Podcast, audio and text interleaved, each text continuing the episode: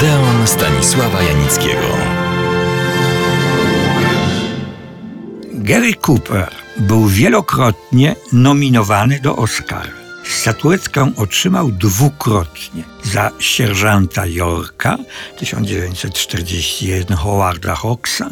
Jest to opowieść o pacyfiście, który w czasie I wojny światowej przeistacza się na froncie w absolutnego bohatera. Dokładniej, cytuję.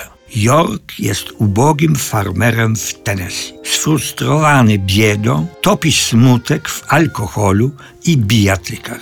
Potem, pod wpływem miłości do pięknej sąsiadki i przyjaźni z księdzem, zmienia się w człowieka prawego i bogobojnego. Gdy wybucha I wojna światowa, nie chcąc nikogo zabijać, odmawia wstąpienia do wojska. Ostatecznie jednak daje się przekonać i zakłada mundur. Podczas ofensywy w Ardenach sam jeden likwiduje gniazdo niemieckich karabinów maszynowych, biorąc do niewoli 132 nieprzyjaciół. Awansowany na sierżanta i obsypany odznaczeniami do ojczyzny powraca jako bohater. Żeni się z ukochaną dziewczyną i osiada w nowym domu, rezygnując ze splendoru potencjalnej kariery politycznej.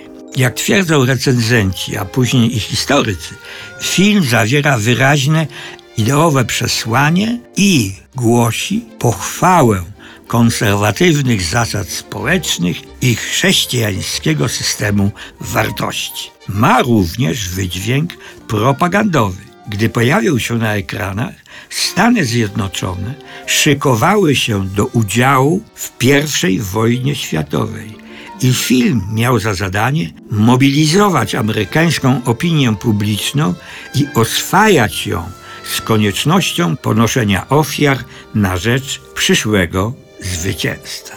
Drugi film to W samo południe, premiera 1952 roku. Arcydramat nie tylko westernowy. Reżyserował Fred Zinnemann.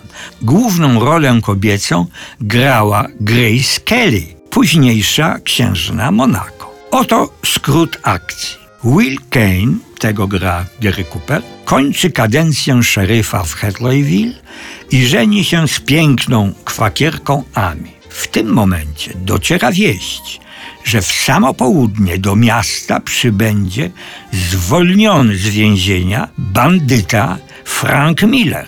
Zamierza on wraz z kompanami zemścić się na szeryfie, który przed laty wysłał go za kratki. Kane bezskutecznie próbuje nakłonić mieszkańców, by wspomogli go w chwili ostatecznej próby. W końcu do walki staje sam, a jedynego wsparcia udziela mu żona, strzelając w plecy jednego z bandytów. Ostatecznie Kane odnosi zwycięstwo nad złem, samym sobą i biernością społeczeństwa. W geście rozgoryczenia rzuca jednak w pył ulicy gwiazdę szeryfa i wyjeżdża z żoną z miasteczka. Często słusznie podkreśla się zachowaną i to fabularnym, pełnometrażowym filmie klasyczną antyczną zasadę jedności bohaterów, miejsca i akcji. W arcyfilmie w samo południe akcja trwa tyle, ile w rzeczywistości trwa. Stara zasada od czasów antycznych, piękne są te najszlachetniejsze zasady. Jednocześnie pisało się przed laty, a może i dzisiaj, że w samo południe jest tak zwanym nadwesternem, w którym poruszane są problemy społeczne oraz psychologiczne i w którym dokonuje się demistyfikacja westernowych bohaterów.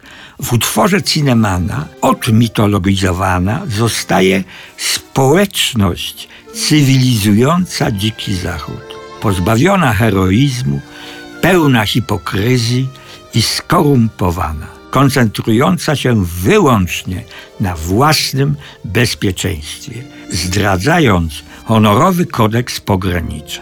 W latach 1947-49 odbywało się w Hollywood Polowanie na czarownicę. Przed komisją do badania działalności antyamerykańskiej w atmosferze historii i zastraszania powoływano filmowców, oskarżając ich o przynależność do partii komunistycznej. Przed komisją stanął też jako świadek Gary Cooper.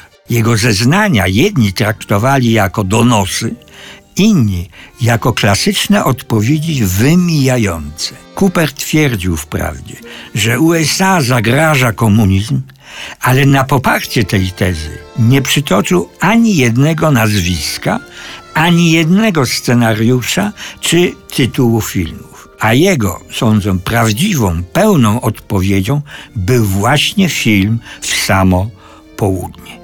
Gra tutaj przecież człowieka, szeryfa, od którego odwrócili się wszyscy mieszkańcy miasteczka.